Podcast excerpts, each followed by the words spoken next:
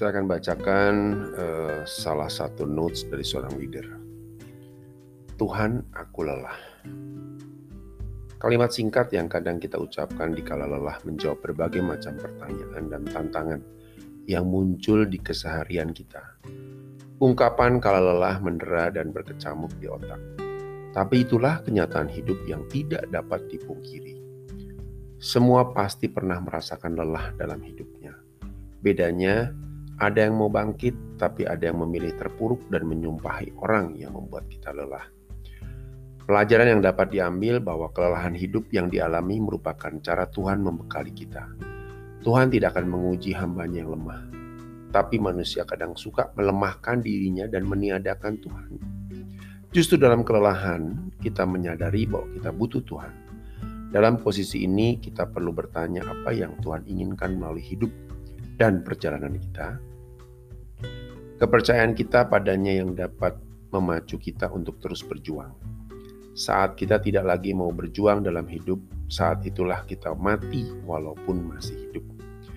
Tidak ada lagi makna untuk apa hidup selain semakin lelah mengejar materi yang tidak juga kita bawa mati suatu saat. Oleh karenanya, mari kita berjuang untuk memperoleh mahkota kehidupan yang Tuhan sediakan. Kita ubah fokus derita menjadi pembelajaran yang mendewasakan dan membuat semakin bijak. Mengeluh justru membuat kita semakin lelah. Semua itu ditentukan oleh sikap kita terhadap kehidupan. Jadilah pemenang yang akan bangkit walau jatuh bangun berulang kali. Ini merupakan satu kisah yang menarik ya tentang orang yang mungkin dalam keseharian, mungkin Anda juga pernah mengalami, mungkin sebagian besar orang pernah mengalami ketika kita menghadapi jurang keputusasaan, ketika kita menghadapi segala sesuatu yang nampaknya sudah terkunci dan tidak ada pintu yang kita anggap bisa dibuka. Lalu kita mulai merasa kelelahan, bahkan lebih memilih kita menjauh membiarkan hidup kita sendiri dalam keterpurukan, dalam kesulitan kita sendiri tanpa kita harus tahu ke mana kita harus bergerak. Kondisi ini tentunya tidak harus kita lakukan. Kita harus berjuang, mencoba hal.